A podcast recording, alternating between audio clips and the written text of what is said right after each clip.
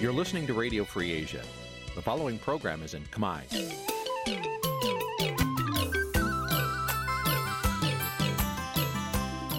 នេះជាកម្មវិធីផ្សាយ Vuthu Azizi Serai នេះជាកម្មវិធីផ្សាយរបស់ Vuthu Azizi Serai ជាភាសាខ្មែរ Vuthu Azizi Serai សូមស្វាគមន៍លោកអ្នកនាងទាំងអស់ពីរដ្ឋធានី Washington នៃសហរដ្ឋអាមេរិក ចាប់ពីរដ្ឋធានី Washington នាងខ្ញុំម៉ៅសុធានីសូមជម្រាបសួរលោកអ្នកស្ដាប់ទាំងអស់ជាទីមេត្រីយើងខ្ញុំសូមជូនការផ្សាយសម្រាប់ព្រឹកថ្ងៃអាទិត្យ14កើតខែបុស្សឆ្នាំឆ្លូវត្រីស័កពុទ្ធសករាជ2565ហើយដល់ត្រូវនៅថ្ងៃទី16ខែមករាគ្រិស្តសករាជ2022ចាចកិច្ចចាប់ផ្ដើមនេះនាងខ្ញុំសូមអញ្ជើញលោកអ្នកនាងកញ្ញាស្ដាប់ព័ត៌មានប្រចាំថ្ងៃដែលមានមេត្តាដូចតទៅ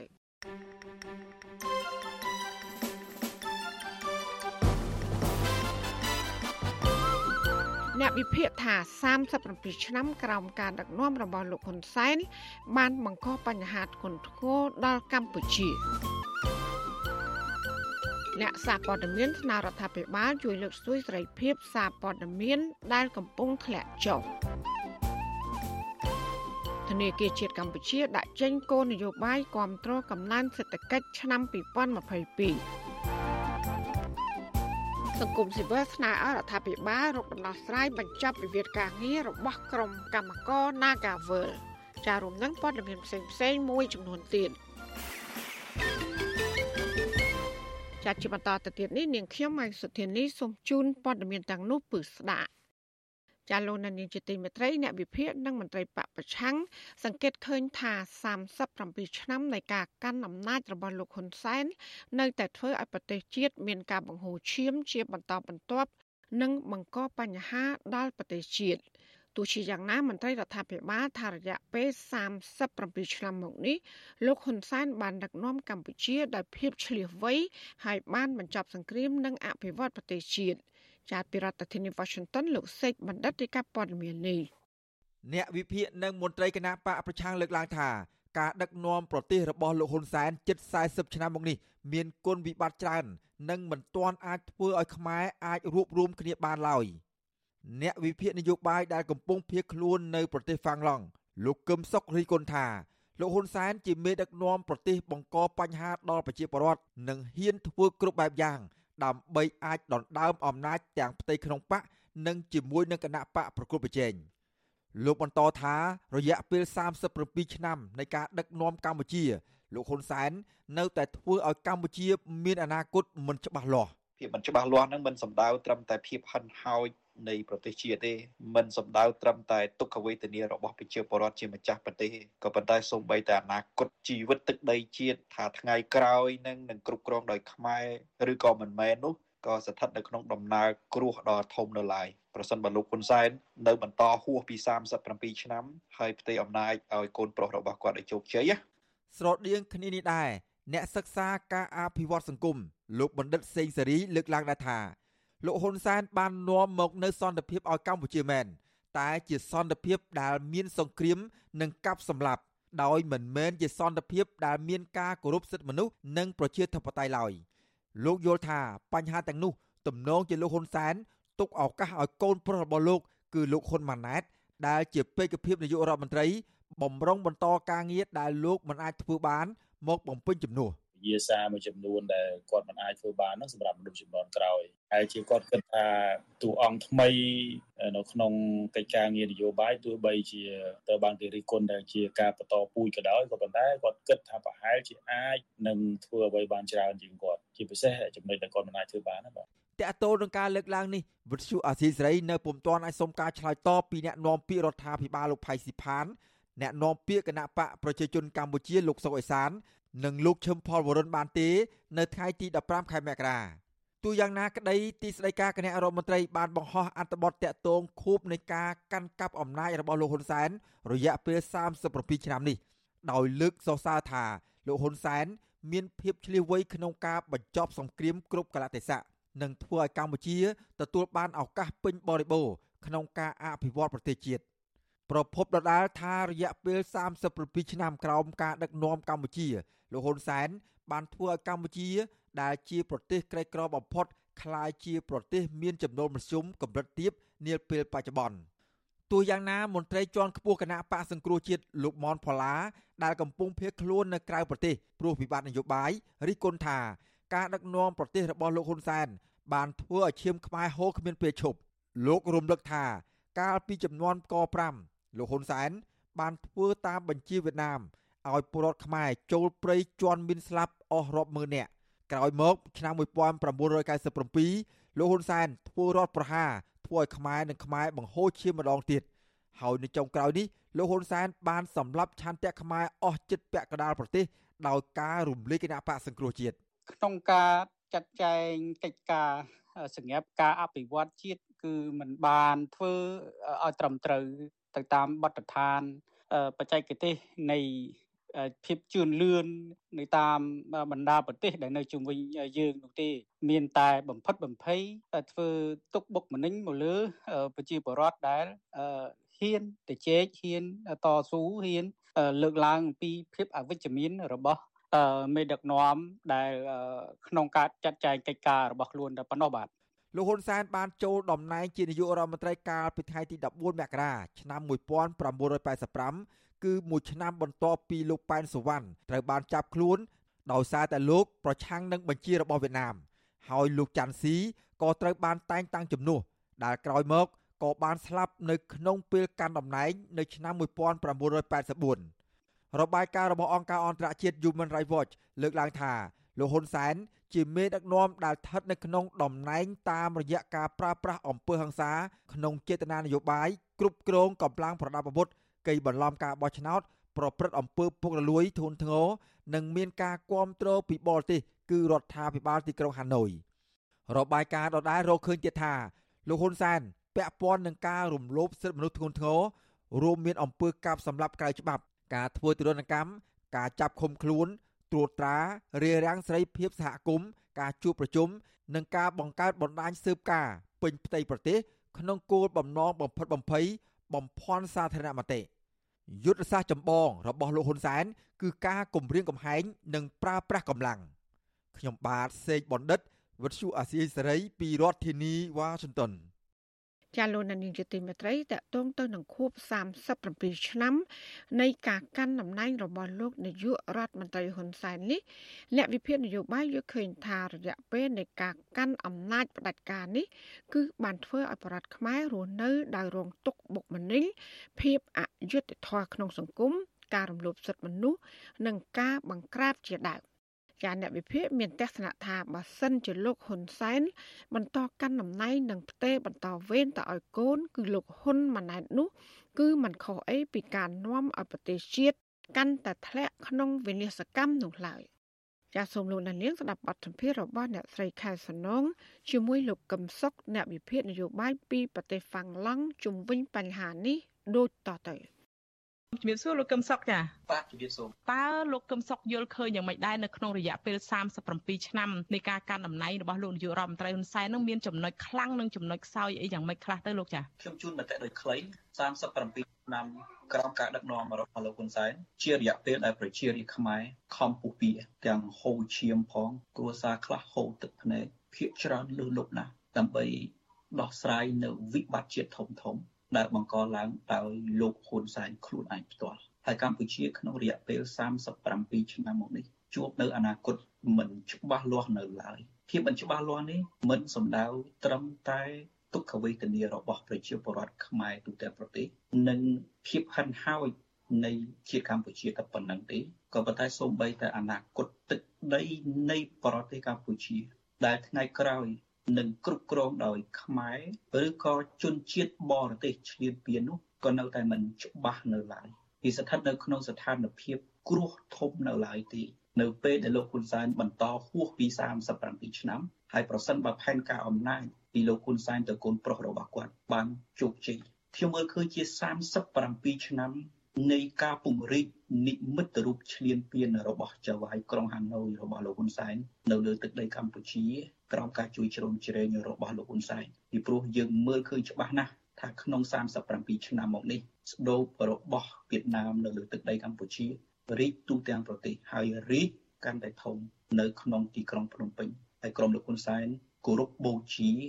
ជាដរាប ចាអង្គការ Human Rights Watch ក៏គេបានបុកសរុបដែរនៅពេលរបាយការណ៍ថ្មីថ្មីនេះតកតងទៅនឹងស្ថានភាពនៃការគោរពសិទ្ធិមនុស្សគេមើលឃើញថាជាពិសេសនៅក្នុងឆ្នាំ2022ហ្នឹងជារបាយការណ៍ពិនិត្យប្រចាំឆ្នាំបញ្ហាសិទ្ធិមនុស្សជុំវិញសកលហ្នឹងថាការរំលោភសិទ្ធិមនុស្សហ្នឹងគឺមានលក្ខណៈធ្ងន់ធ្ងរហើយជាប្រព័ន្ធនៅក្នុងកម្ពុជាហ្នឹងរួមមានការបង្ក្រាបនយោបាយបពប្រឆាំងសកម្មជនទាំងសកម្មជនបរិស្ថានហើយបញ្ហានីតិរដ្ឋភាពព្រមទាំងការបង្កើតច្បាប់អីរឹតបន្តឹងសិទ្ធិមនុស្សជាមូលដ្ឋានអីជាដើមផងតើបញ្ហាទាំងអស់នេះចាប់ចូលទៅក្នុងចំណុចនៃការគ្រប់គ្រងរបស់លោកនាយករដ្ឋមន្ត្រីហ៊ុនសែនដែលថាចំណុចខ្សោយដែលធ្វើឲ្យប្រជាពលរដ្ឋរស់នៅប្រឈមនឹងការលំបាកនឹងយ៉ាងខ្លាំងទេលោកកឹមសុខចា៎ការរៀបរាប់របស់អង្គការអន្តរជាតិនឹងពិតជាត្រឹមត្រូវតែនេះគ្រាន់តែជាចំណុចតូចមួយនៃកំហុសដឹកនាំរបស់លោកហ៊ុនសែនប៉ុណ្ណោះ ក្នុងរយៈពេល37ឆ្នាំមកនេះខ្ញុំស្រាវជ្រាវឃើញរហូតទៅដល់37រឿងធំធំដែលជា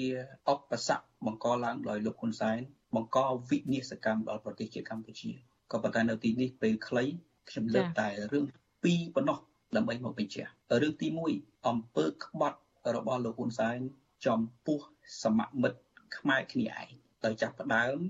ឡើងកាន់អំណាចនៅក្នុងឆ្នាំ1985 ដោយការបំផ្លាញលោកប៉ែនសវណ្ណលោកច័ន្ទស៊ីដែលមាននិន្នាការចង់ជួយប្រជាពលរដ្ឋខ្មែរក៏ប៉ុន្តែលោកហ៊ុនសែនគាត់ក្បត់សហការជាមួយវៀតណាមបំផ្លាញចាប់លោកប៉ែនសវណ្ណទៅដាក់គុកនៅទីក្រុងហាណូយលោកច័ន្ទស៊ីស្លាប់ដោយគ្មានមូលហេតុច្បាស់លាស់ក្រោមការចាប់ផ្ដើមក្បត់ខ្មែរគ្នាឯងនេះលោកហ៊ុនសែនបង្កើតនៅសមិទ្ធផលនៃការដាក់នឹមវៀតណាមកាន់តែតឹងកខ្មែរថែមទៀតឧទាហរណ៍ផែនការក5ខ្មែរពេញកម្លាំងជាបរោះស្លាប់ជាង20ម៉ឺននាក់នឹមនៃការប្រមូលធនធានធម្មជាតិរបស់ខ្មែរទៅឲ្យវៀតណាមនិងមួយទៀតគឺកិច្ចព្រមព្រៀងដែលបង្ហូរជនជាតិវៀតណាមបែបនិគមជនចូលប្រទេសកម្ពុជាដែលកាលពីសម័យលោកប៉ែនសវណ្ណគាត់ប្រឆាំងក៏ប៉ុន្តែលោកហ៊ុនសែនសហការជាមួយវៀតណាមហូរចូលហើយចូលនោះជាវិបត្តិរហូតមកដល់ពេលបច្ចុប្បន្នទៅទៀតនឹងដល់ធ្ងន់ធ្ងរមួយទៀតគឺកិច្ចព្រមព្រៀង ឆ្នាំ1979 82 83 85ដែលធ្វើឲ្យខ្មែរបាត់បង់ព្រំដែនគោកច្រើនណាស់សពថ្ងៃបាត់បង់កោះត្រល់ចង្កោមកោះក្រចកសេះបាត់បង់ដែនសមុទ្រខ្មែរប្រមាណ70000គីឡូម៉ែត្រការ៉េយ៉ាងតិចដែលដែនសមុទ្រខ្មែរមានតែ95000គីឡូម៉ែត្រការ៉េបាត់ស្ទើរតែអស់ទៅហើយនេះគឺជាចំណុចចេញពីអំពើក្បត់របស់លោកហ៊ុនសែនចំពោះសមមិត្តខ្មែរគ្នាឯងជាតិខ្មែរគ្នាឯងហើយបំរើបរទេស មួយទៀតជាចំណុចធំទី2គឺលោកហ៊ុនសែននៅតែក្បត់ដដែលក្បត់កិច្ចព្រមព្រៀងសន្តិភាពទីក្រុងប៉ារីឆ្នាំ1991ក្បត់រដ្ឋធម្មនុញ្ញឆ្នាំ1993គាត់បានធ្វើរដ្ឋប្រហារមួយបែបក្រោយការបោះឆ្នោតឆ្នាំ1993ដោយគម្រាមធ្វើអបគម3ខែជាប់យួនដែលធ្វើឲ្យមានការសម្របសម្រួលទាញគាត់ឲ្យចូលធ្វើជានាយករដ្ឋមន្ត្រីទី2គាត់ធ្វើរដ្ឋប្រហារឆ្នាំ1997ក្រោយការដឹកនាំរបស់គាត់មានការបង្ក្រាបបាតុករ ឆ្នាំ1998 2003 2004 2013 2014ដែលសុទ្ធតែជារូបភាពនៃរដ្ឋប្រហារអចិន្ត្រៃយ៍រដ្ឋប្រហារអចិន្ត្រៃយ៍ដើម្បីលោកហ៊ុនសែនខ្លួនឯងកាន់អំណាចហើយការកាន់អំណាចរបស់លោកហ៊ុនសែននឹងហើយដែលធ្វើឲ្យនឹមវៀតណាមទាំងការប្រមូលផលធនធានធម្មជាតិពីប្រទេសកម្ពុជាទាំងកៅស៊ូទាំងព្រៃឈើចូលទៅស្រុកខ្លួនក៏នៅតែបន្តទាំងការព្យាយាមជួយនិគមជនយួននៅលើទឹកដីកម្ពុជាក៏នៅតែបន្ត ទាំងការពុះជ្រៀកទឹកដីខ្មែរទៅឲ្យវៀតណាមក៏នៅតែបន្តហើយរឿងដ៏ធ្ងន់ធ្ងរបំផុតលោកដែលអង្គការអន្តរជាតិលើកឡើងជើងកម្ពុជាសពថ្ងៃការរំលោភសិទ្ធិមនុស្សមិនមែនកម្រិតធម្មតាទេកម្រិតរហូតទៅដល់ប្រជាពលរដ្ឋខ្មែរភៀសច្រើនលើសលុបត្រូវប្រឈមនឹងបទញុះញង់បទឧទាមក្រៅច្បាប់បទក្បត់ជាតិប្រសិនបើគ្រាន់តែហ៊ានតវ៉ារកយុត្តិធម៌ដូច្នេះគឺជារឿងធ្ងន់ធ្ងរណាស់សម្រាប់ស្ថានភាពកម្ពុជាក្រោមការដឹកនាំរបស់លោកហ៊ុនសែន វាធ្វើឲ្យអនាគតទឹកដីជាតិកម្ពុជាមិនច្បាស់ថាតើនឹងត្រូវគ្រប់គ្រងដោយខ្មែរឬដោយបរទេសឈ្លានពានទេនៅថ្ងៃក្រោយឥឡូវយើងងាកមកពេលបច្ចុប្បន្ននេះវិញជាងដឹងហើយ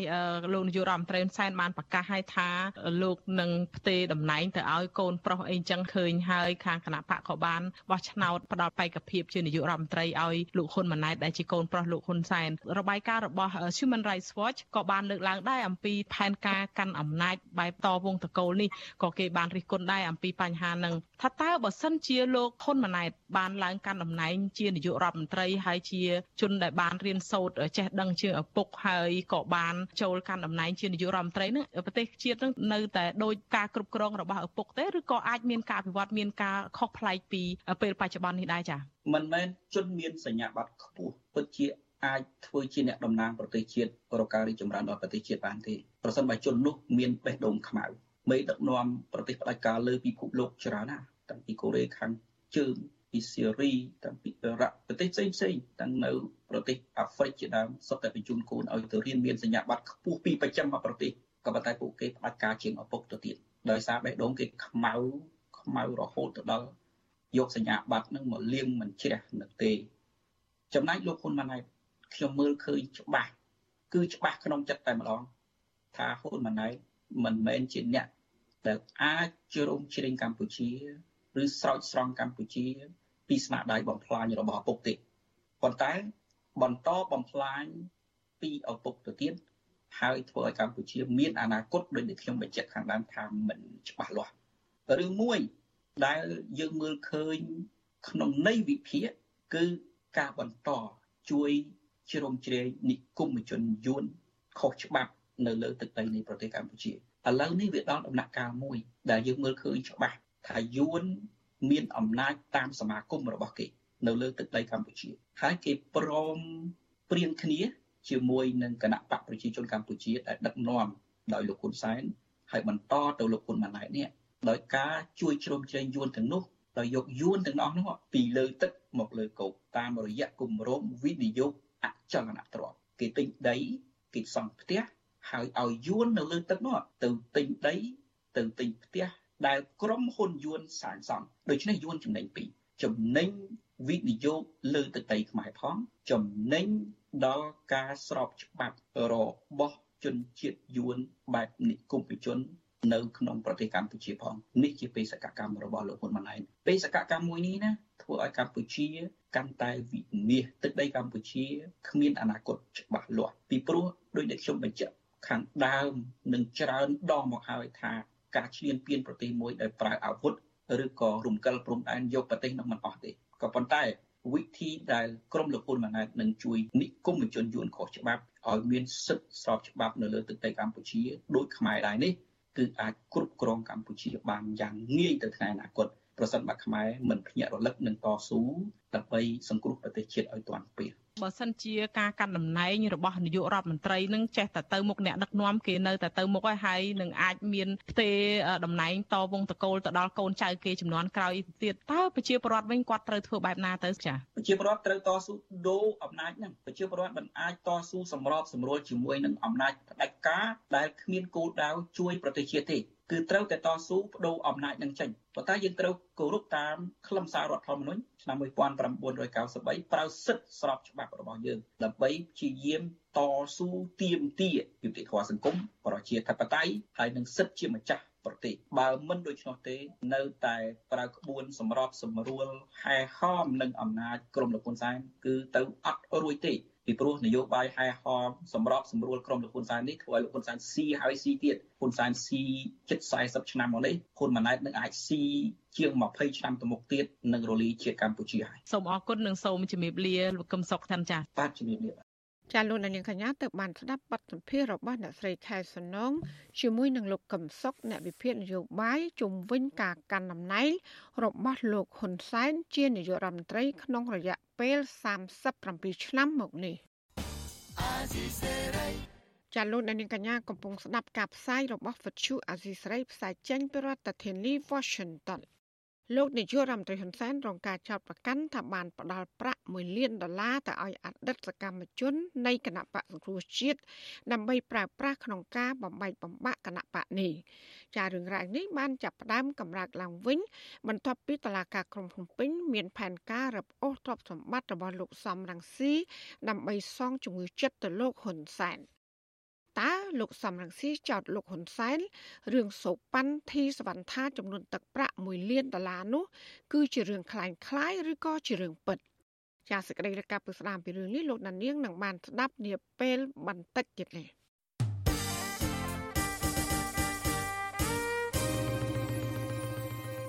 ចាលោកអ្នកស្ដាប់ទីមេត្រីពាក់ព័ន្ធនឹងវិស័យសារព័ត៌មានវិញក្រុមអ្នកសារព័ត៌មានឯករាជ្យលើកឡើងថាសាររបស់លោកហ៊ុនសែនមានចេតនាចង់ប្រើប្រាស់អ្នកសារព័ត៌មាន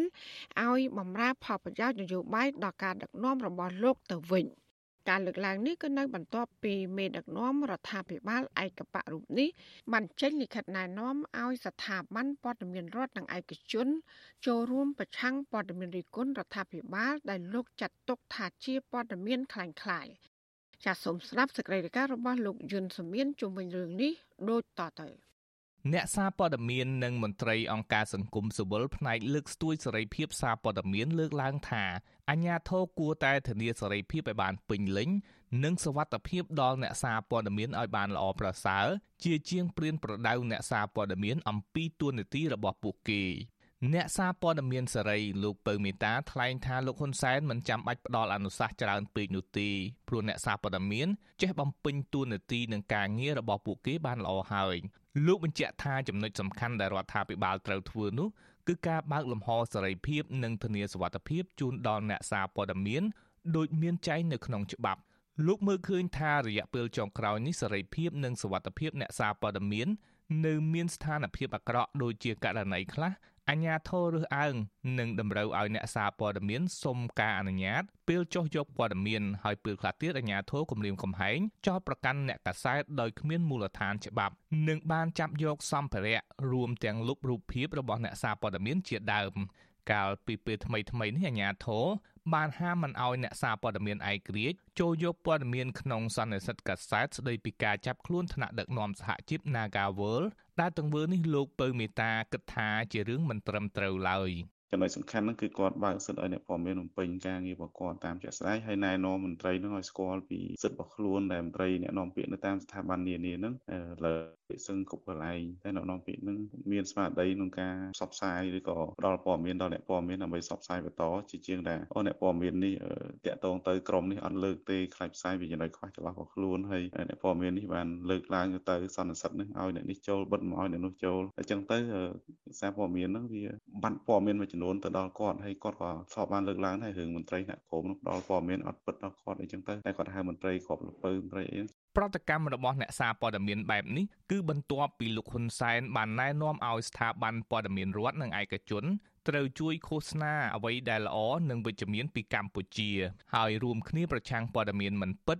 ដែលទំនងលោកសម្ដៅដល់ព័ត៌មាន ដែលរិះគន់និងប៉ះពាល់ដល់មុខមាត់របស់រដ្ឋាភិបាលលើសពីនេះលោកបានណែនាំឲ្យស្ថាប័នព័ត៌មានរដ្ឋនិងឯកជនត្រូវចូលរួមរក្សាសន្តិភាពស្ថិរភាពនយោបាយ និងផ្សព្វផ្សាយជំរុញឲ្យអាជ្ញាធរនិងស្ថាប័នមានសមត្ថកិច្ចទប់ស្កាត់និងចាត់វិធានការរាល់បទល្មើសគ្រឿងញៀននិងលបែងស៊ីសងមេដឹកនាំដែលចូលចិត្តព័ត៌មានបែបលើកសរសើរនិងនិយាយអំពីចំណុចល្អនៃការដឹកនាំរបស់ខ្លួននេះក៏ជំរុញឲ្យអ្នកសារព័ត៌មានត្រូវបន្តចូលរួមប្រយុទ្ធជាមួយភាពអសកម្មភាពមិនប្រក្រតីអំពើពុករលួយ និងភាពអយុត្តិធម៌នៅក្នុងសង្គមផងដែរដើម្បីកសាងកម្ពុជាជាសង្គមមួយដែលស្អាតស្អំនិងមានតម្លាភាពលោកហ៊ុនសែនលើកឡើងបែបនេះតាមរយៈសារលិខិតមួយច្បាប់ផ្ញើជូនអ្នកសារព័ត៌មានជាតិនិងអន្តរជាតិក្នុងឱកាសទិវានៃពិធីជំនួបរវាងរូបលោកជាមួយអ្នកសារព័ត៌មានកម្ពុជាលើកទី6ដែលតែងធ្វើជារៀងរាល់ឆ្នាំនៅថ្ងៃទី14ខែមករាទោះបីជាយ៉ាងណាលោកហ៊ុនសែនបានផ្អាកពិធីជួបជុំនេះ ចំនួន2ឆ្នាំជាប់ជាប់គ្នាហើយដោយសារតែការរាតត្បាតជំងឺ Covid-19 នាយកប្រតិបត្តិសម្ព័ន្ធអ្នកសារព័ត៌មានកម្ពុជាហៅកាត់ថាកម្ពុជាលោកណប់វីលើកឡើងថាអនុសាសន៍របស់លោកនាយករដ្ឋមន្ត្រីគឺជាសិទ្ធិនិងជាការយល់ឃើញរបស់លោកប៉ុន្តែកិច្ចការរបស់អ្នកសារព័ត៌មានគឺជាវិជ្ជាជីវៈសេរីដែលមិនគួរត្រូវបានរដ្ឋបិទគម្រាមកំហែងឬដាក់សម្ពាធនោះទេ លោកបន្តថាប្រសិនបើរដ្ឋាភិបាលចង់ឃើញអ្នកសារព័ត៌មានដើរតួនាទីសំខាន់និងរាយការណ៍ព័ត៌មានដើម្បីរួមចំណែកទប់ស្កាត់បទល្មើសគ្រឿងញៀនបទល្មើសព្រៃឈើនិងបញ្ហាសង្គមផ្សេងផ្សេងទៀតរដ្ឋាភិបាលគួរតែលើកទឹកចិត្តនិងធានាជាក់លាក់ឲ្យពួកគាត់បានធ្វើការងារដោយសេរីគ្មានការភ័យខ្លាចនិងការរឹតបន្តឹងលោកក៏ជំរុញឲ្យរដ្ឋាភិបាល បញ្ចប់អំពើឧក្រិដ្ឋប្រឆាំងអ្នកសារព័ត៌មានកន្លងមក ដែលបានធ្វើឲ្យអ្នកសារព័ត៌មានខ្លះបាត់បង់ជីវិតឬទទួលរងភាពអយុត្តិធម៌ដោយសារបុព្វហេតុនៃការរាយការណ៍ព័ត៌មានពិតរបស់ខ្លួនព្រមទាំងជួយពន្លឿនការអនុម័តសេចក្តីព្រាងច្បាប់ស្តីពីសិទ្ធិទទួលបានព័ត៌មាន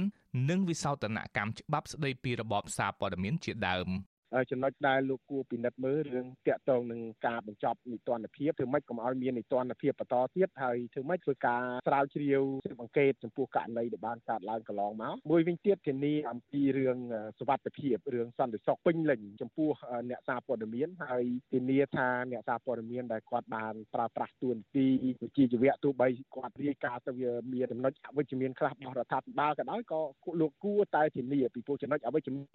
មន្ត្រីខលខូចទេមន្ត្រីត្រីស្អាតស្អំវាអត់ប៉ះទេអញ្ចឹងត្រូវតែធានាសុវត្ថិភាពចំពោះអ្នកដែលការព័ត៌មានទាំងអស់ហ្នឹងអង្គការអន្តរជាតិនានារកឃើញថា4ឆ្នាំចុងក្រោយនេះសេរីភាពសារព័ត៌មាននៅកម្ពុជាស្ថិតនៅក្នុងស្ថានភាពអាក្រក់ព្រោះតែរដ្ឋាភិបាលបន្តរដ្ឋបិទគម្រាមកំហែងចាប់ខ្លួនអ្នកសារព័ត៌មានដាក់ពន្ធនាគារពីបទប្រមទ័ននិងបង្កើតច្បាប់ថ្មីដែលមានចរិតរដ្ឋបិទសេរីភាពសារព័ត៌មានជាដើមអង្គការសង្គមស៊ីវិលនិងអ្នកសារព័ត៌មានឯករាជ្យ ស្នើយ៉ាងទទូចដល់រដ្ឋាភិបាលលោកហ៊ុនសែនឲ្យបញ្ឈប់ការធ្វើទុកបុកម្នេញទាំងនេះនិងងាកមកគោរពសេរីភាពសារព័ត៌មានវិញចំណុចទាំងនោះមានជាអាចការដោះលែងនិងទម្លាក់ចោលបទចោលប្រកាន់ដែលមានចរិតនយោបាយប្រឆាំងអ្នកសារព័ត៌មានការបើកឲ្យស្ថាប័នព័ត៌មានឯករាជ្យអាចដំណើរការបានវិញបញ្ឈប់ជាបន្ទាន់ការយកក្រមព្រហ្មទណ្ឌមកចោលប្រកាន់ឬការបំពេញវិជាជីវៈរបស់អ្នកសារព័ត៌មាន ព្រមទាំងពន្លឿនការបង្កើតច្បាប់ទាំងឡាយដែលបំរើដល់វិស័យសារព័ត៌មាននិងការបញ្ចេញមតិខ្ញុំយុនសាមៀនវិទ្យុអាស៊ីសេរីប្រធានាធិបតី Washington ចាលោកណានីជាទីមេត្រីគណៈបកនយោបាយចំនួន3ដែលជំទាស់នឹងការកែប្រែកំណត់ហេតុរាប់សន្លឹកឆ្នោតឬហៅថាទម្រង់1102ស្នើឲ្យគណៈកម្មាធិការជាតិរៀបចំការបោះឆ្នោតកោជបរក្សាទុកទម្រង់និងនីតិវិធីនេះឲ្យនៅដដែល។ គណៈបកប្រជាធិបតេយ្យមូលដ្ឋានគណៈបកកម្ពុជានិយម និងគណៈបកកែតម្រង់កម្ពុជា នៅតែទាមទារឲ្យកោជបរក្សាទុកនិងចែកកំណត់ហេតុទ្រព្យសម្លឹកឆ្នោតតម្រង់1102ឲ្យនៅដដែលសម្រាប់ដំណើរការនៃការរៀបចំការបោះឆ្នោតក្រុមប្រឹក្សាឃុំសង្កាត់ឆ្នាំ2022 អ្នកនាំពាក្យគណៈបកប្រជាធិបតេយ្យមូលដ្ឋានលោកលឹកសុធាឲ្យដឹងថាគណៈបកទាំង3បានដាក់សំណើទៅឲ្យកោជបលុបចោលគម្រោងកែប្រែពីរចំណុចគឺការលុបព័ត៌មានលទ្ធផលរាប់សន្លឹកឆ្នោតបឋមនិងការបិទផ្សាយកំណត់ហេតុរាប់សន្លឹកឆ្នោតក្នុងទម្រង់1102ឲ្យនៅតាមការិយាល័យបោះឆ្នោតដដែល។ លោកបន្តថាព័ត៌មានបឋមក្នុងទម្រង់1102គឺមានសារៈសំខាន់ណាស់សម្រាប់គណៈបកនយោបាយនីមួយៗដើម្បីយកមកធ្វើការផ្ទៀងផ្ទាត់លទ្ធផលឆ្នោតលោកក៏បានឲ្យដឹងទៀតថាក្នុងជំនួបកាលពីថ្ងៃទី14ខែមករាមន្ត្រីបច្ចេកទេសរបស់គូជបបានសន្យាថានឹងយកសំណើរបស់គណៈបកនយោបាយទាំង3ដាក់ជូនថ្នាក់ដឹកនាំគូជបដើម្បីពិចារណា យើងនៅតែរក្សាជំហរដដែលជំហររបស់យើងដោយសារតែទម្រង់1102ក្តីទាំងការបិទផ្សាយនិងការចែកជូនលទ្ធផលបោះឆ្នោតនេះគឺវាមានសារៈសំខាន់ណាស់សម្រាប់គណៈបកនយោបាយដែលនឹងធ្វើការជជែកគ្នាឬក៏តវ៉ានៅពេលណាមួយរកឃើញថាលទ្ធផលនឹងមានភាពមិនប្រក្រតីឬក៏មិនច្បាស់លាស់ជាដើម គណៈបញ្ញយោបាយទាំង3បានដាក់សំណើកាលពីចុងឆ្នាំ2021ដើម្បីស្នើសុំឲ្យកោជបរក្សាទុក និងចែករំលែកឬក៏បិទផ្សាយព័ត៌មាននិងទិន្នន័យបឋមក្នុងទម្រង់1102នៅតាមការិយាល័យបោះឆ្នោតដដែល។ សំណើនេះដោយសារកោជបមានកម្រងកែប្រែការបិទផ្សាយទម្រង់1102ដោយបដូរមកជាការស្កេនរួចបោះពុម្ពចេញតាមកុំព្យូទ័រហើយប្រគល់ទៅឲ្យគណៈកម្មការរៀបចំការបោះឆ្នោតតាមឃុំសង្កាត់ចែកជូនតំណាងគណៈបកនយោបាយតាមឃុំសង្កាត់ វិទ្យុអសីស្រីមិនអាចសុំការបញ្ជាក់ពីអ្នកនាំពាក្យគណៈកម្មាធិការជាតិរៀបចំការបោះឆ្នោតលោកហងពុធា បានទេនៅថ្ងៃទី15ខែមករាតែយ៉ាងណាក្នុងជំនួបជាមួយនឹងគណៈបកនយោបាយទាំង3 និងតំណាងអង្គការសង្គមស៊ីវិលកាលពីថ្ងៃទី14ខែមករាលោកទេពនិថា បានបញ្ជាក់ថាហេតុផលដែលមានការកែប្រែលើចំណុចនេះដោយសាររដ្ឋាភិបាលបានផ្ដល់ថវិកាមួយចំនួនឲ្យកោជបមានលទ្ធភាពទិញកុំព្យូទ័រនិងម៉ាស៊ីនថតចម្លង សម្រាប់ការផ្ដល់ជូនទៅដល់គណៈកម្មការឃុំសង្កាត់រៀបចំការបោះឆ្នោត។ លោកអះអាងថាការបោះឆ្នោតកន្លងមកគណៈកម្មការឃុំសង្កាត់ពុំមានសម្ភារៈឧបករណ៍ទាំងអស់នេះទេ ហើយម្យ៉ាងទៀតការប្រើប្រាស់ប្រព័ន្ធបច្ចេកវិទ្យានឹងជួយកាត់បន្ថយកំហុសឆ្គងមួយចំនួន របស់មន្ត្រីការិយាល័យបោះឆ្នោតលោកទេមនិថាអះអាងទៀតថាតំណាងគណៈបកនយោបាយនៅតែទទួលបានទម្រង់1102ដដែល ដោយគណៈកម្មការឃុំសង្កាត់រៀបចំការបោះឆ្នោតថតចម្លងលទ្ធផលនៃការរាប់សន្លឹកឆ្នោតហើយប្រគល់ឲ្យតំណាងគណៈបកនយោបាយដែលមានវត្តមានតាមឃុំសង្កាត់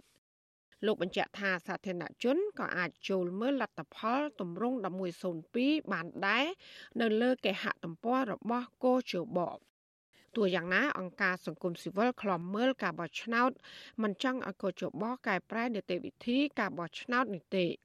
អ្នកសម្របសម្រួលនឹងអង្កេតនៃអង្គការ Confrel លោកកនសវាង សង្កេតឃើញថានីតិវិធីបោះឆ្នោតទាំងឡាយដែលបានសម្រេចដោយគណៈបកប្រជាជនកម្ពុជា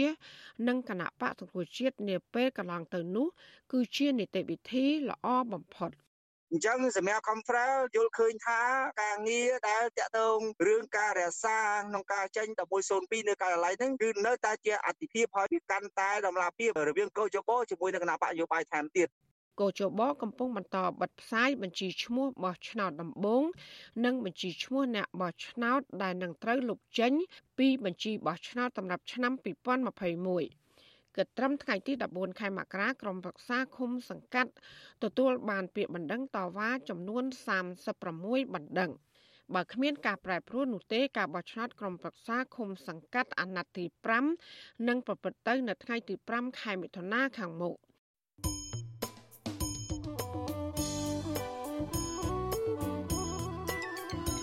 លោកអ្នកនាងកញ្ញាកំពុងស្ដាប់ការផ្សាយរបស់វិទ្យុអាស៊ីស្រីផ្សាយចេញពីរដ្ឋធានី Washington ចាវិទ្យុអាស៊ីស្រីផ្សាយតាមរលកធាតុអាកាសខ្លីឬ short wave តាមកម្រិតនិងកម្ពស់ដូចតទៅ ពេលព្រឹកចាប់ពីម៉ោង5កន្លះដល់ម៉ោង6កន្លះតាមរយៈរលកធាតុអាកាសខ្លី9390 kHz ស្មើនឹងកម្ពស់ 32ម៉ែត្រហើយនឹង 11850 kHz ស្មើនឹងកម្ពស់ 25ម៉ែត្រចាសម្រាប់ពេលយប់វិញចាប់ពីម៉ោង7កន្លះដល់ម៉ោង8កន្លះគឺតាមរយៈរលកធាតុអាកាសខ្លី9390 kHz ស្មើនឹងកម្ពស់ 32ម៉ែត្រហើយនឹង15155 kHz ស្មើនឹងកម្ពស់ 20ម៉ែត្រចាសសូមអរគុណ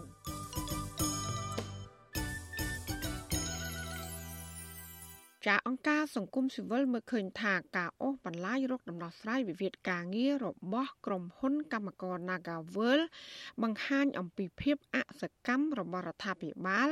និងភាគីពាក់ព័ន្ធហើយដែលនេះនឹងនាំឲ្យប៉ះពាល់មុខមាត់រដ្ឋាភិបាលកម្ពុជានៅលើឆាកអន្តរជាតិក្រុមកម្មករ Nagavel បដិញ្ញាថាពួកគេនឹងបន្តធ្វើកុតកម្មដើម្បីទាមទាររហូតដល់មានដំណោះស្រាយ បើទោះបីជាពួកគេជួបបញ្ហាលំបាកផ្នែកជីវភាពនិងការធ្វើទុកបុកម្នេញគម្រាមកំហែងជាបន្តបន្ទាប់ពីអាជ្ញាធរក៏ដោយចាលោកសនចន្ទរដ្ឋារិកព័ត៌មាននេះក្រុមកម្មករ Nagawer ជាច្រើនរយនាក់នៅតែបន្តធ្វើកោតកម្មដោយលើបដានិងអមដោយសូរសម្លេងទាមទាររកយុត្តិធម៌ក្រុមកោតក្របញ្ជាក់ថាត្បិតលំបាកផ្នែកជីវភាពនិងរងការធ្វើទុកបុកម្នេញពីអាជ្ញាធរក្តីក៏ពួកគេនៅតែបន្តធ្វើកោតកម្មដោយសន្តិវិធី រហូតដល់មានការដោះលែងតំណាងពួកគេត្រឡប់មកវិញដើម្បីបន្តចរចារកដំណោះស្រាយបញ្ចប់វិវាទការងារតាមផ្លូវច្បាប់គឧតកោដែលត្រូវក្រុមហ៊ុនបញ្ឈប់ពីការងារលោកស្រីប៉ែនរិស័យបានប្រាវិទ្យាអាស៊ីសេរីនៅថ្ងៃទី15ខែមករាថាក្រុមកម្មករ Nagavel បានធ្វើកតកម្មដោយសន្តិវិធីអស់រយៈពេល29ថ្ងៃមកហើយដោយគ្មានដំណោះស្រាយគណៈក្រុមកតកោនៅថ្នាក់នំសហជីពរងការធ្វើទុកបុកម្នេញគម្រាមកំហែងពីសំណាក់អាជ្ញាធរនិងចាប់ប្រកាន់តាមប្រព័ន្ធតុលាការទាំងអយុធធរជាដើម។ លោកស្រីបញ្ជាក់ថាបើទោះបីជាធ្វើកតកម្មក្រោមកម្ដៅថ្ងៃនិងហត់នៅយ៉ាងណាក្តីក៏ក្រុមកតកនៅតែបដិញ្ញាចិត្តមោះមុតចេញទៀមទារហូតដល់តំណាងកម្មករ8នាក់មានសេរីភាពនិងចូលតុចរចាដោះស្រាយបញ្ចប់វិវាទការងារនេះពួកខ្ញុំជាកោតកដល់ស្លូតត្រង់មួយហាក្តៅហាខ្យល់ហាភ្លៀងនៅតែទ្រាំដើម្បីឲ្យក្រុមហ៊ុនដោះ ស្រាយវិវាទការងារនេះដោះតំណាងទាំង8រូបដើម្បីចូលតុចរចាជាកម្មករជាបុគ្គលិកស្លូតត្រង់មួយតស៊ូអង្គុយ5ថ្ងៃដើម្បីឲ្យមានដំណោះស្រាយស្រដៀងគ្នានេះដែរបុគ្គលិកម្នាក់ទៀតធ្វើការ8ឆ្នាំផ្នែកចែកបៀកញ្ញាម៉ែនសុធីវឌ្ឍនៈថ្លែងថាកន្លងមកនេះអាញាធរតែងធ្វើបាបកុតកោដែលចូលរួមធ្វើកុតកម្មដូចជាក្រមស្ត្រីមានផ្ទៃពោះដែលអាញាធរបានព្រមានម្ចាស់ហាងនៅក្បែរកន្លែងកុតកម្មឲ្យបិទបន្ទប់ទឹកកុំឲ្យកុតកោចូលប្រើបាន និងហាមឃាត់សប្បុរសជនដឹកទឹកសុទ្ធជូនដល់កុតកោជាដើមកញ្ញាបន្តថាលើពីនេះស្មារតីស្លៀកពាក់ស៊ីវិលតាមថតរូបគាត់ដល់ផ្ទះសម្បែងដើម្បីគម្រាមកំហែងបំបាក់ស្មារតីពួកគាត់ឲ្យឈប់ជួបជុំគ្នាតវ៉ាទៀតក៏ប៉ុន្តែទង្វើរបស់អាញាធរទៅនេះមិនអាចបញ្ឈប់ការទាមទាររបស់កម្មករបានទេកញ្ញាម៉ែនសុធីវឌ្ឍនៈបញ្ជាក់ថាក្រុមកម្មករបានប្រមូលស្នាមមេដៃនិងក្រុងយកទៅដាក់ជូនស្ថានទូតចំនួន14នៅថ្ងៃទី17ខែមករាឆ្នាំនេះរួមមានស្ថានទូតសហរដ្ឋអាមេរិក អង់គ្លេសជប៉ុនបារាំងអូស្ត្រាលីជាដើមដើម្បីស្វែងរកកិច្ចអន្តរាគមន៍ក្នុងវិវាទការងារនេះ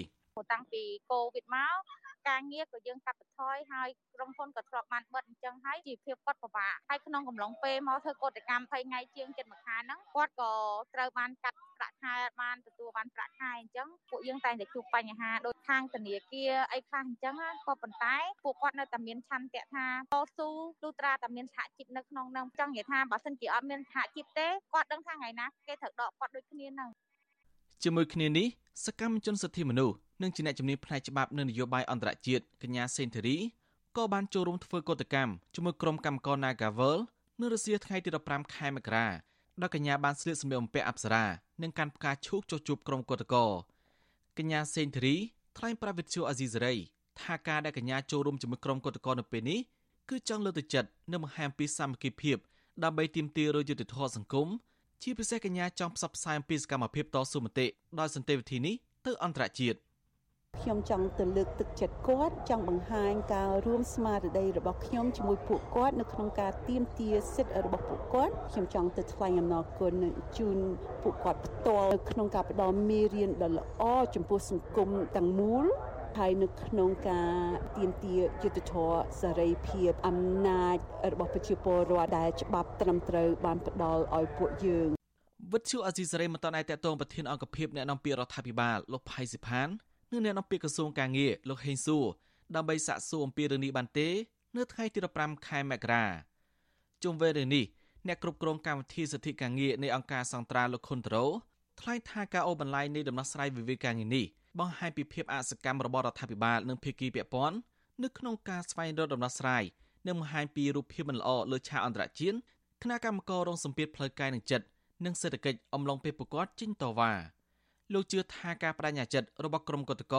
ដែលធ្វើសកម្មភាពដោយអហិង្សានិងសន្តិវិធីដើម្បីផ្ញើសារដល់រដ្ឋាភិបាលនិងភាគីពាក់ព័ន្ធឲ្យឃើញពីការលំបាកនិងអំពីភាពអយុត្តិធម៌តាក់ទងឬវិវាទការងារនេះនឹងមានប្រសិទ្ធភាព។ វាអត់លំបាកដោះទេបើសិនជាមាននៅភាគីណាមួយដែលគាត់ដើរតួនាទីប្រកបដោយសុភវិនិច្ឆ័យប្រកបដោយអព្យាក្រឹតប្រសិទ្ធភាពនៅក្នុងការដើរតួនាទីដោយឯករាជ្យសម្របសម្រួលស្វែងរកដំណោះស្រាយតែបើសិនជានៅតែមានចេតនានៅក្នុងការព្យាយាមបំបិតសហជីពនៅកន្លែងការងារព្យាយាមនៅក្នុងការបន្តដាក់សម្ពាធការចោទប្រកាន់មានការដោះលែងគិតថាវាហិតតែបង្កើតនៅភាពអយុត្តិធម៌កាន់តែខ្លាំងបន្ថែមទៀត អង្គការជាតិនិងអន្តរជាតិផ្នែកសិទ្ធិមនុស្សនិងសិទ្ធិការងារទាមទារអាជ្ញាធរដោះលែងតំណាងសហជីព Nagaver 8នាក់ឲ្យមានសេរីភាពឡើងវិញជាបន្ទាន់នៅដោយគ្មានលក្ខខណ្ឌជាមួយគ្នានេះពួកគេជំរុញឲ្យក្រសួងការងារបន្តដោះស្រាយបញ្ហានេះដោយឈលលើគោលការណ៍ច្បាប់និងភាពស្មោះត្រង់ទៅវិវាទការងារមួយនេះឲ្យបញ្ចប់ទៅបានខ្ញុំសនចាររថាវិទ្យុអាស៊ីសេរីរាយការណ៍ពីរដ្ឋធានីវ៉ាស៊ីនតោន thank you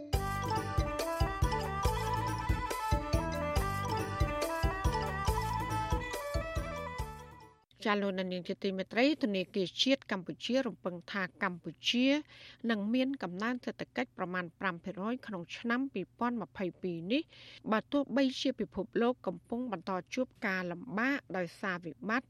នៃជំងឺ Covid-19 យ៉ាងណាក្តីនៅជាមួយគ្នានេះធនាគារជាតិកម្ពុជា បានបន្តជំរុញលើគោលនយោបាយចម្បងចម្បងចំនួន10ចំណុចដើម្បីគ្រប់គ្រងការងើបឡើងវិញនៃកំណើនសេដ្ឋកិច្ច គោលនយោបាយទាំង10ចំណុចនេះរួមមាន ការរក្សាស្ថិរភាពអត្រាប្តូរប្រាក់ខណៈគេមើលឃើញថាអត្រាប្តូរប្រាក់នៅឆ្នាំ2022នឹងអាចបន្តរងសម្ពាធធ្លាក់ថ្លៃដោយសារការអនុវត្តវិធានការគ្រប់គ្រងការបញ្ចេញប្រាក់ទៅលើទីផ្សារគួបផ្សំនឹងនិន្នាការឡើងថ្លៃនៃប្រាក់ដុល្លារអាមេរិក សាខាធនាគារជាតិកម្ពុជានៅរាជធានីភ្នំពេញនិងនៅខេត្តទាំងអស់ត្រូវតែបន្តគ្រប់គ្រងការរីកចម្រើនសេដ្ឋកិច្ចក្នុងតំបន់តាមរយៈការផ្តល់សេវាគ្រប់គ្រងសាច់ប្រាក់ឲ្យមានប្រសិទ្ធភាព និងរួមចំណែកលើកកម្ពស់ចំណេះចេះដឹងផ្នែកហិរញ្ញវត្ថុនិងកិច្ចការពារអតិថិជន តាមរយៈប្រព័ន្ធ hotline ដើម្បីផ្តល់ព័ត៌មាន និងជួយដោះស្រាយបញ្ហាដែលពាក់ព័ន្ធនឹងការប្រើប្រាស់សេវាហិរញ្ញវត្ថុ ជូនដល់ប្រជាពលរដ្ឋចាការពង្រឹងប្រសិទ្ធភាពនៃការប្រឆាំងការសម្អាតប្រាក់និងហិរញ្ញប្បទានភេរវកម្មបន្ថែមពីនេះការរួមចំណែកក្នុងការកាត់បន្ថយការប្រែប្រួលអាកាសធាតុដោយត្រូវបន្តរួមចំណែកអភិវឌ្ឍវិស័យហិរញ្ញវត្ថុប្រកបដោយចីរភាពរួមមានការកិត្តគូអំពីបរិស្ថាន និងផលប៉ះពាល់មកលើអាកាសធាតុជាដើម ការប្រកាសពីកំណើនសេដ្ឋកិច្ចរបស់ធនាគារជាតិកម្ពុជានេះគឺស្រដៀងទៅនឹងសេចក្តីប្រកាសព័ត៌មានរបស់ធនាគារអភិវឌ្ឍអាស៊ីឬហៅកាត់ថា ADB ដែលបានចេញផ្សាយកាលពីថ្ងៃទី28ខែមេសាឆ្នាំ2021ដោយបានព្យាករណ៍ថាសេដ្ឋកិច្ចកម្ពុជាអាចនឹងកើនឡើងចំនួនជាង5%ក្នុងឆ្នាំ2022នេះ។ ទោះបីយ៉ាងណាធនាគារអភិវឌ្ឍអាស៊ីបានព្យាករណ៍ថាគ្រួសារនិងក្រុមហ៊ុនឯកជននានានឹងបន្តជួបវិបត្តិឬក៏សម្ពាធផ្នែកសេដ្ឋកិច្ចដដែលបើទោះបីជាសេដ្ឋកិច្ចជាតិអាចងើបឡើងវិញក៏ដោយ។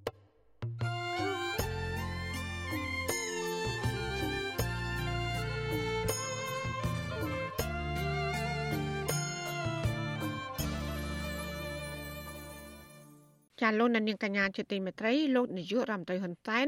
រងការចោទប្រកាន់ថាបានផ្ដាល់ប្រាក់1លានដុល្លារទៅឲ្យអតីតសកម្មជននៃគណៈបកសង្គ្រោះជាតិ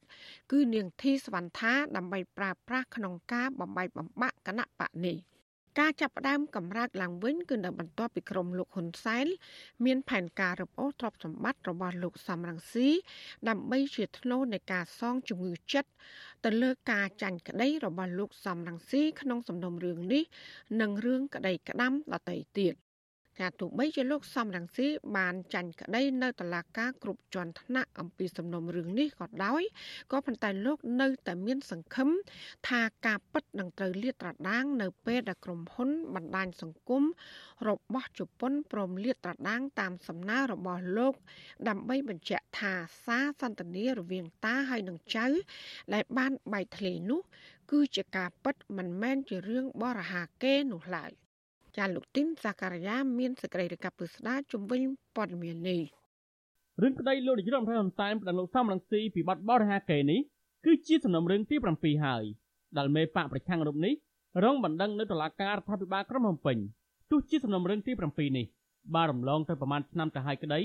លោកសំរងស៊ីនៅតែមិនបោះបង់រឿងក្តីនេះចោលឡើយលោកនៅតែសំអាងថា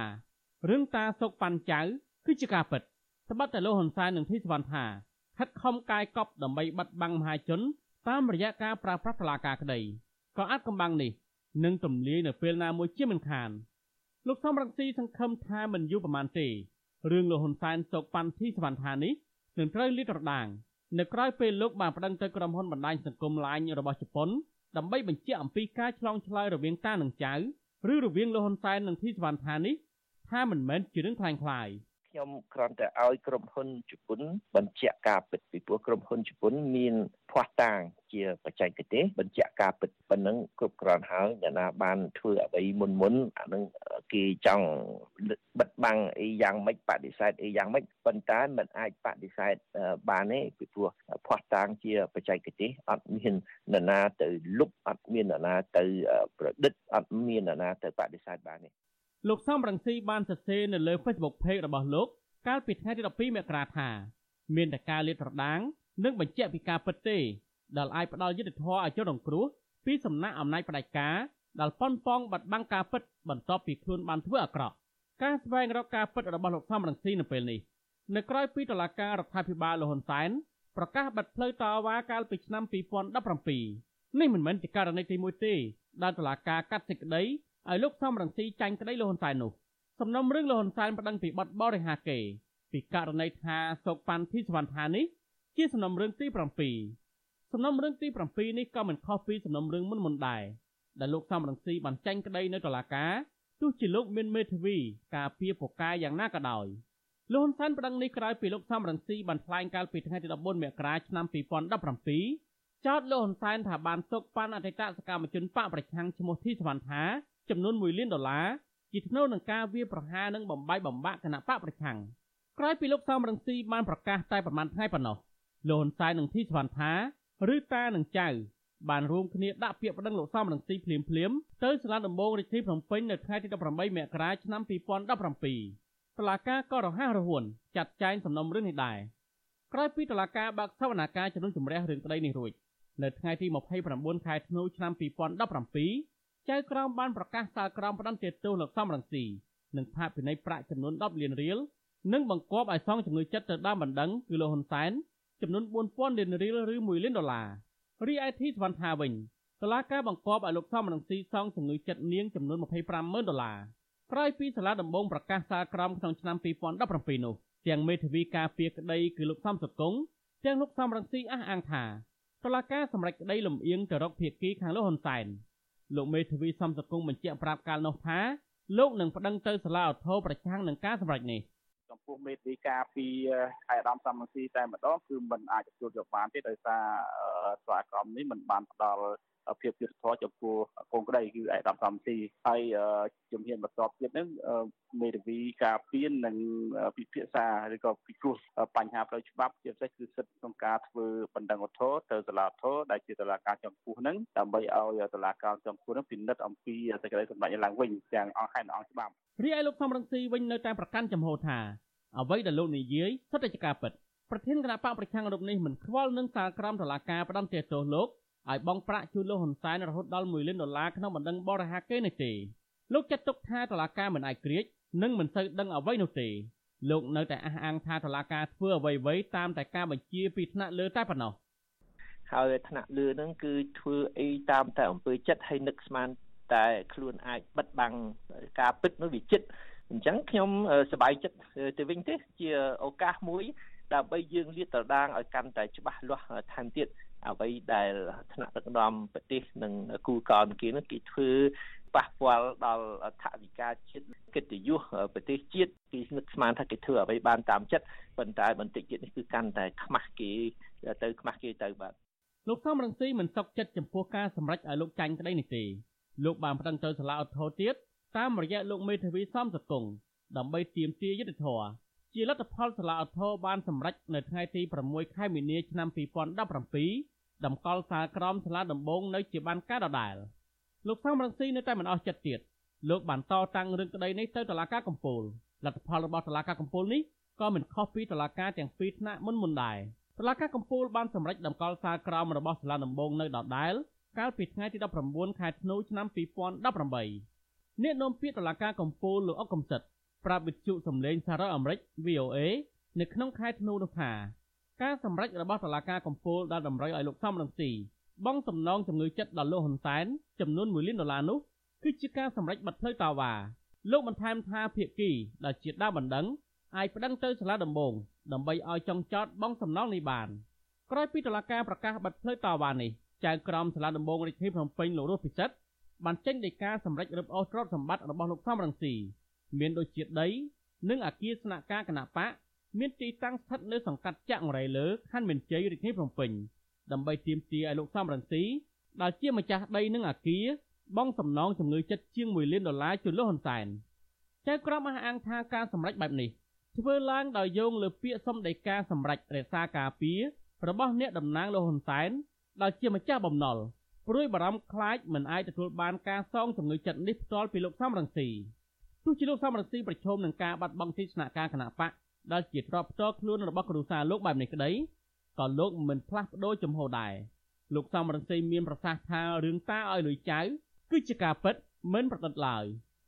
ដូច្នេះរឿងនេះជារឿងពិតទាំងអស់ហើយយើងក៏មានមធ្យោបាយបច្ចេកទេសឲ្យក្រុមហ៊ុនឲ្យអ្នកជំនាញខាង Facebook ខាងសារឆ្លើយឆ្លងគ្នាបណ្ដាញសង្គមនឹងគេអាចស្រាវជ្រាវហើយគេអាចបញ្ជាក់ ថាសារឆ្លើយឆ្លងគ្នានេះជាសារពិតជារឿងពិតដូច្នេះអ្នកណាដែលចង់ប្តឹងខ្ញុំនោះគឺប្រហែលជាមិនសូវយល់ឬមួយក៏នឹកស្មានថាអ្នកដតីទៀតល្ងងគេអត់មានមធ្យោបាយបញ្ជាក់ការពិតតែសម័យនេះអ្នកបច្ចេកទេសអ្នកវិទ្យាសាស្ត្រអាចបញ្ជាក់ការពិតថារឿងរវាងលោកធីលោកហ៊ុនសែននិងនាងធីសវណ្ណថានោះគឺសិតតែជារឿងពិតទាំងអស់ជាពិសេសការដែលលោកហ៊ុនសែនផ្ដល់ ប្រាក់ឧបត្ថម្ភ1លានដុល្លារអាមេរិកឲ្យទៅនាងធីសវណ្ណថាឲ្យធ្វើសកម្មភាពប្រឆាំងគណៈបកសង្គ្រោះជាតិវិទ្យុអសីសេរីមិនអាចតតងធីសវណ្ណថាដើម្បីសុំការបំភ្លឺពីរឿងនេះបានឡើយទេក៏ប៉ុន្តែធីសវណ្ណថាបានសរសេរនៅលើបណ្ដាញសង្គម Facebook របស់នាងឆ្លើយតបទៅលោកសំរងស៊ីជាលើកទី2ព្យាយាមបដិសេធថារឿងនេះមិនពិតនោះទេនេះជាការប្រឌិតរឿងដដាលដដាលរបស់លោកសំរងស៊ីនាងចាត់ទុកថានេះជាការរំខាន ហើយស្នើទៅលោកសំរងស៊ីឲ្យបំភ្លេចនាងចោលចោះរឿងធីសវណ្ណថាបដិសេធនេះមិនមែនជារឿងចម្លែកនោះឡើយកាលពីឆ្នាំ2014នៅក្នុងអំឡុងពេលនាងកំពុងតែមានសកម្មភាពគាំទ្រគណៈបកប្រឆាំងនោះនាងធ្លាប់ច្រានចោលម្ដងរួចបង្ហើយចំពោះការចោទប្រកាន់ថា នាងជាចរនារីរបស់គណៈបកប្រជាជនកម្ពុជាធីសវណ្ណថាបានអះអាងនៅក្នុងបទសម្ភាសន៍ជាមួយវិទ្យុអាស៊ីសេរីកាលពីខែកុម្ភៈឆ្នាំ2014ថានាងមិនមែនជាចរនារីរបស់លោកហ៊ុនសែននោះទេ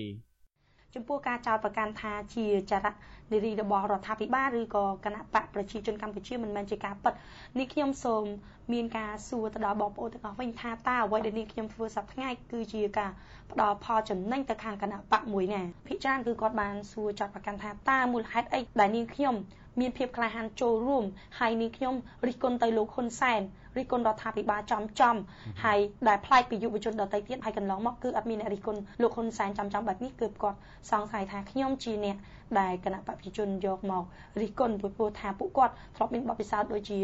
មនុស្សមួយចំនួនដូចជាលោកស៊ុនសេរីរដ្ឋាឬក៏លោកផ្សេងផ្សេងទៀតដែលទៅបានគេថាគាត់មកជេរលោកហ៊ុនសែនដើម្បីទទួលបានជាបៃភាពហើយបង្កើតគណៈបកមួយទៀតនេះគឺជាចំណុចដែលពួកគាត់គិតថានេះខ្ញុំរិះគន់លោកហ៊ុនសែនគឺដើម្បីប្រមូលផ្ដុំប្រជាប្រិយភាព ទោះជានាងខំប្រឹងបដិសេធយ៉ាងដូចនេះក្តី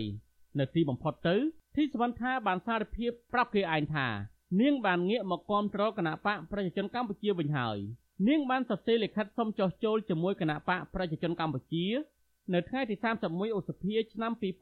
2017ការចុះចូលនេះនៅមុនពេលតុលាការរដ្ឋាភិបាលលោកហ៊ុនសែនរំលាយគណៈបកសង្គ្រោះជាតិតែ6ខែប៉ុណ្ណោះក្រោយពីធីសវណ្ណថាបានប្រកាសចុះចូលជាមួយគណៈបកកណ្ដាលអំណាចមក នាងបានបង្ហាញពីភាពស្និទ្ធស្នាលជាមួយក្រុមគ្រួសារលោកហ៊ុនសែនហើយសម្ព័ន្ធភាពនេះបានคล้ายទៅជាតានិងចៅធីសវណ្ណថាថែមទាំងបានបង្ហាញពីឥទ្ធិពលរបស់នាងនៅលើបណ្ដាញសង្គម Facebook ថែមទៀតផងក្រៅពីនេះនាងបានធ្វើសកម្មភាពមនុស្សធម៌យកអំណោយទៅចែកជូនជនក្រីក្រនិងសកម្មភាពនយោបាយគាំទ្រគណៈបកប្រជាជនកម្ពុជាជាដើមនៅលើเพจផ្លូវការរបស់នាងនាងបានសរសេរបង្ហោះកាលពីថ្ងៃទី26ខែធ្នូឆ្នាំ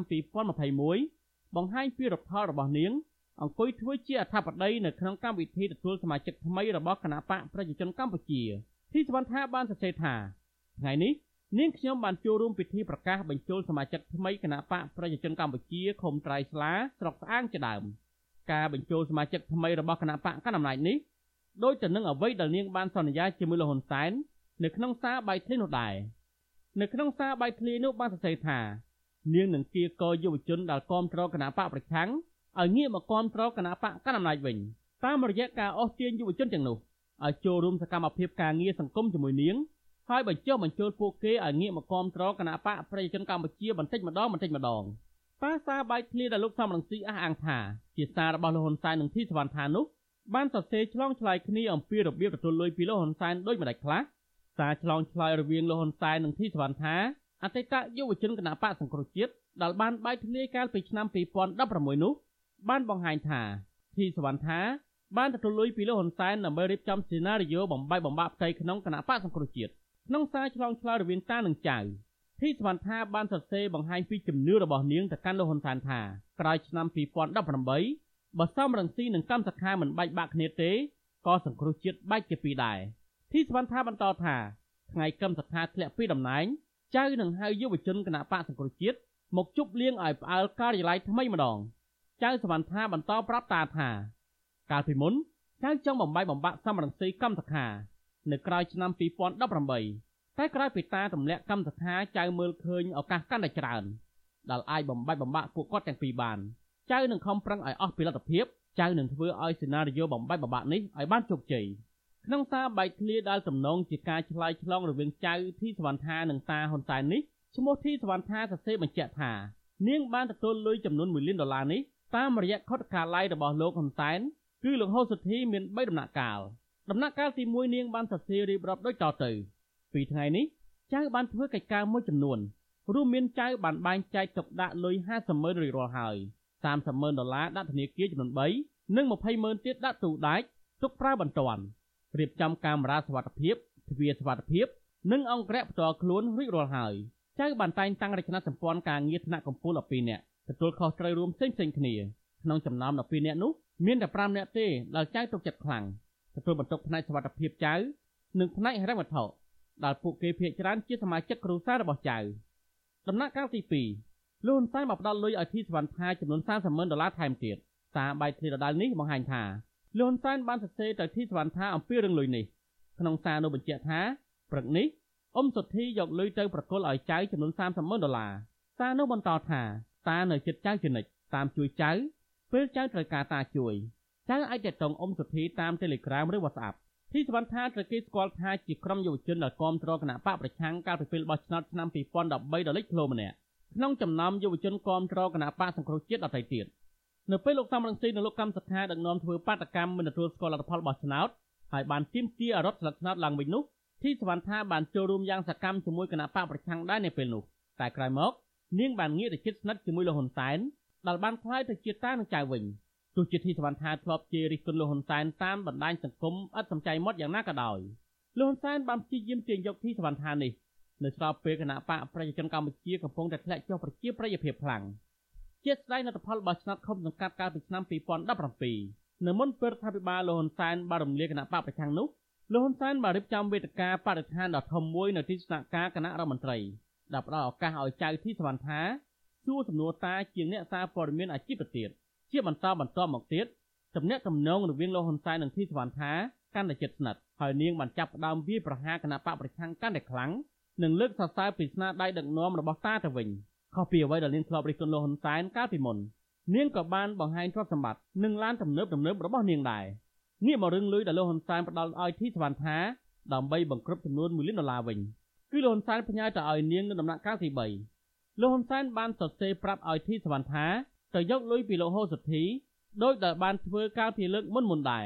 នៅដំណាក់កាលទី3នេះគឺចំនួន20ម៉ឺនដុល្លារទៀតដែលជាដំណាក់កាលចុងក្រោយក៏ប៉ុន្តែទីកន្លែងប្រគល់លុយនោះមិនមែនជាទីកន្លែងចាស់ដែលទីសវណ្ណថាធ្លាប់ទទួលលុយពីលោកហូសុធីនោះទេនេះបើផ្អែកតាមសារសន្ទនាដដែលនោះសារនោះលោកហ៊ុនសែនបានសរសេរប្រាប់ទៅទីសវណ្ណថាថាលើកនេះ ចៅមិនបាច់ចូលមកទៀតទេនាំគេសង្ស័យអ៊ំសុធីនឹងយកលុយទៅប្រគល់ឲ្យចៅនៅកន្លែងណាមួយតាមការណាត់គ្នាធីសវណ្ណថាបានសរសេរតបទៅលោកហ៊ុនសែនវិញថាអរគុណតាពេលនេះចៅទទួលអារម្មណ៍ថាចៅទទួលបានកម្លាំងធម៌ពលពេញបរិបូរណ៍ហើយធីសវណ្ណថាសន្យានឹងលោកហ៊ុនសែនថាគ្រប់ការងារទាំងអស់នឹងទទួលបានជោគជ័យ100%តែចៅនៅតែត្រូវការកម្លាំងជំនួយពីតាជានិច្ចទាំងកម្លាំងស្មារតីកម្លាំងប្រាជ្ញាកម្លាំងចិត្តនិងកម្លាំងថវិកាជាដើម សារសន្ទនាដែលបានបែកធ្លារវាងលោកហ៊ុនសែននិងធីសវណ្ណថានិយាយអំពីការផ្ដល់លុយចំនួន1លានដុល្លារនេះគឺក្នុងចំណោមសារសន្ទនានិយាយពីរឿងផ្សេងៗទៀតជាច្រើនដែលមានប្រមាណជា400សារ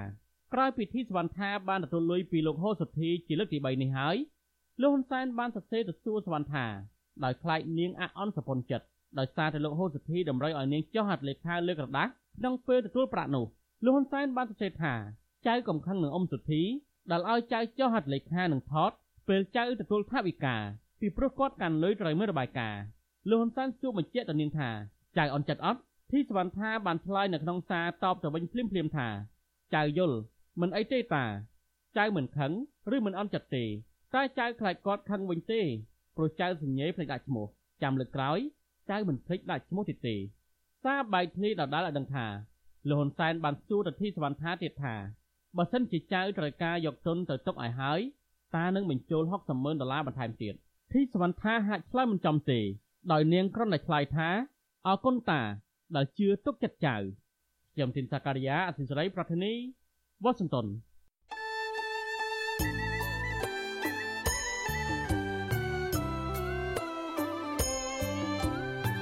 ចាលោកនាងកញ្ញាអ្នកស្ដាប់ជទីមេត្រីកັບផ្សាយរយៈពេល1ម៉ោងនៃវិទ្យុអាស៊ីស្រីជាភាសាខ្មែរនៅពេលនេះចាប់តែប៉ុណ្ណេះ ចាយើងខ្ញុំទាំងអស់គ្នាសូមជូនពរលោកនាងព្រមទាំងក្រុមគូសាទាំងអស់សូមជួបប្រកបតែនឹងសេចក្តីសុខសេចក្តីចម្រើន ជានិរន្តរ៍ចានាងខ្ញុំម៉ៃសុធានីព្រមទាំងក្រុមការងារទាំងអស់នៃវិទ្យុអាស៊ីស្រីសូមអរគុណនិងសូមជម្រាបលា